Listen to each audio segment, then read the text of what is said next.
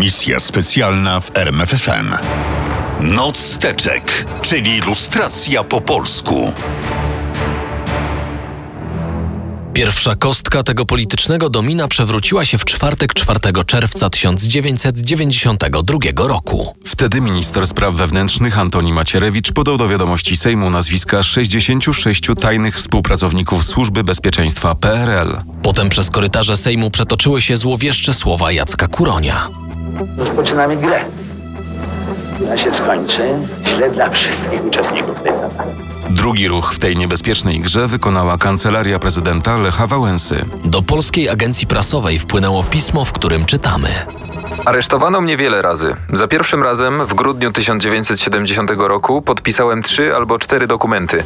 Podpisałbym prawdopodobnie wtedy wszystko, oprócz zgody na zdradę Boga i ojczyzny, by wyjść i móc walczyć.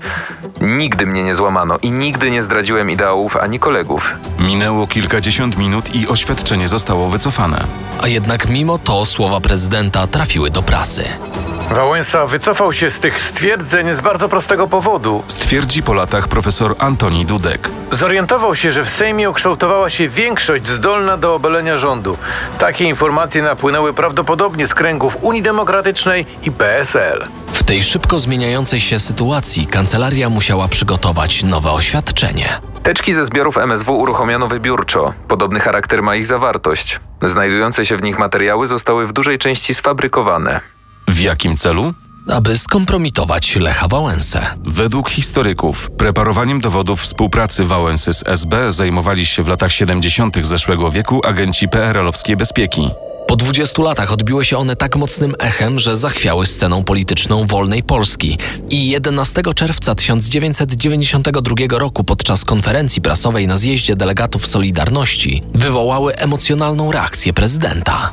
Jak zobaczyłem tę bezczelność, powiedziałem: O, kolesie, tu się miarka przebrała. Prezydenta szantażować? Panie ministrze Macierewicz, jeszcze parę asów mam w rękawie. Jak te asy pokażę, to pan jest w szpitalu. Sytuacja była jak najbardziej poważna. Michał Boni i Antoni Furtak, obaj wpisani na listę Macierewicza z podejrzeniami ataku serca, odjechali do szpitala. Jacek Piechota, poseł SLD, domagał się od prokuratury postawienia przed sądem Antoniego Macierewicza. A prezydent Wałęsa prorokował destabilizację państwa. Aby jej zapobiec, postanowił działać. Po godzinie 21.30 do Sejmu dotarła depesza podpisana przez prezydenta Lecha Wałęsę. Na podstawie artykułu 32 Konstytucji Rzeczypospolitej Polskiej wnoszę o natychmiastowe odwołanie pana Jana Olszewskiego ze stanowiska prezesa Rady Ministrów. Prezydentowi odpowiedział poseł Jarosław Kaczyński. Nie widzę powodu, żeby Sejm zgadzał się na tego rodzaju dyktat, bo to jest dyktat i to jest upokorzenie Wysokiej Izby. Dziękuję. W kilka minut później w loży sejmowej pojawił się sam prezydent. On i jego doradcy uznali, że bezpiecznie będzie trzymać rękę na pulsie. Tymczasem z każdą minutą dyskusja sejmowa przybierała coraz bardziej burzliwy charakter. Krótko opisał ją świadek tamtych wydarzeń poseł Marek Markiewicz w rozmowie z dziennikarzem RMFFM Marcinem Zaborskim. Ja nie sądzę, że już poziom trzeźwości był e, zachowany tego wieczoru. Tym bardziej, wszyscy mówili, że jednostki nadwiślańskie nadciągają. Tu jeden przemawiał, drugi przy, krzyczał, e, tu się pojawiał świtoń. Stary opozycjonista, poseł Kazimierz Świtoń, dolał tylko oliwy do ognia słowami, które rzucił z mównicy w trakcie debaty nad odwołaniem rządu Olszewskiego. Prezydent Lech Wałęsa jest na drugiej liście, jako agent SB. Druga lista, o której wspominał Świtoń, zawierała tylko dwa nazwiska: prezydenta i marszałka Sejmu, czyli najważniejszych osób w państwie. W Sejmie zawrzało. A ponieważ chaos na sali nie pozwalał kontynuować obrad, marszałek Sejmu ogłosił przerwę. Przerwę postanowił wykorzystać prezydent Wałęsa. Zaprosił przedstawicieli szerokiej opozycji na tajne spotkanie. Przyszli Tadeusz Mazowiecki, Leszek Moczulski Donald Tusk. I Waldemar Pawlak. Zachowane na taśmach VHS nagrania archiwalne, znane jako film pod tytułem Nocna Zmiana, ujawniły, co działo się za zamkniętymi drzwiami. Interesująco przedstawia się tu zwłaszcza jedno stwierdzenie Wałęsy.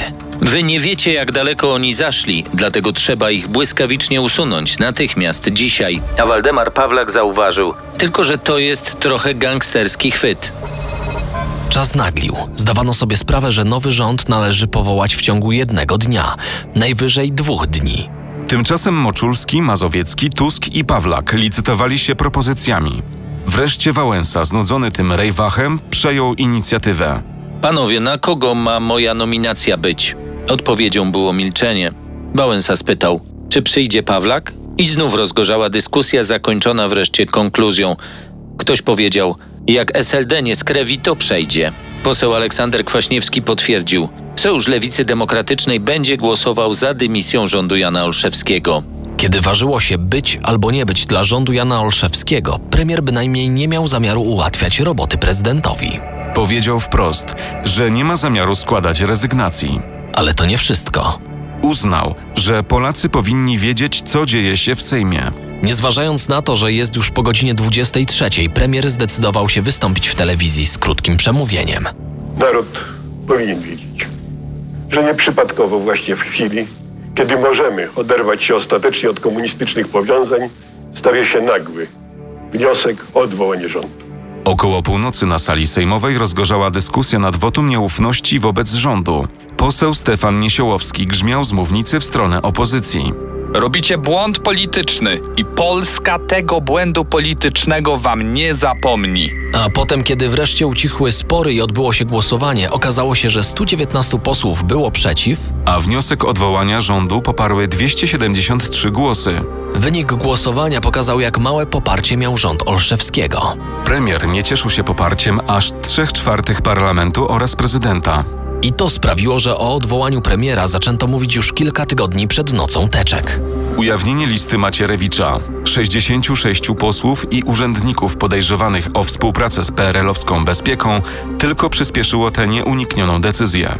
Już następnego dnia, 5 czerwca, prezydent powierzył sformowanie nowego rządu Waldemarowi Pawlakowi z PSL.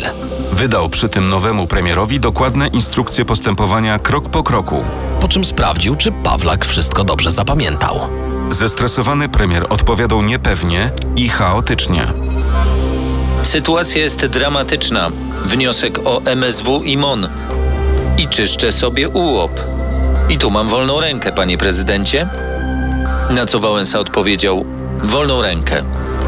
Waldemar Pawlak nie sformował rządu. Zrobiła to miesiąc później, w lipcu 1992 roku, Hanna Suchocka z Unii Demokratycznej. Prezydent nie przejął się niepowodzeniem Pawlaka. Osiągnął już swój cel. Sparaliżował akcję lustracyjną Macierewicza. Odsunął niebezpieczną wizję tłumaczenia się ze swojej przeszłości.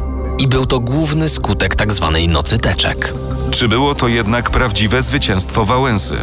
Może należało raz a porządnie prześwietlić kwestię współpracy z SB prezydenta i innych polityków. Nie zrobiono tego i widmo Służby Bezpieczeństwa PRL zatruwa polską politykę do dziś.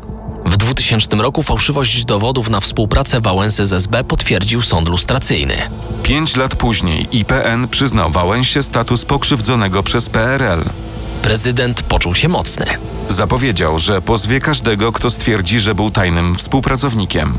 Jednak kiedy na rynku ukazała się książka Cęckiewicza i Gontarczyka SB a Lech Wałęsa, eksprezydent groźby nie spełnił. Dlaczego?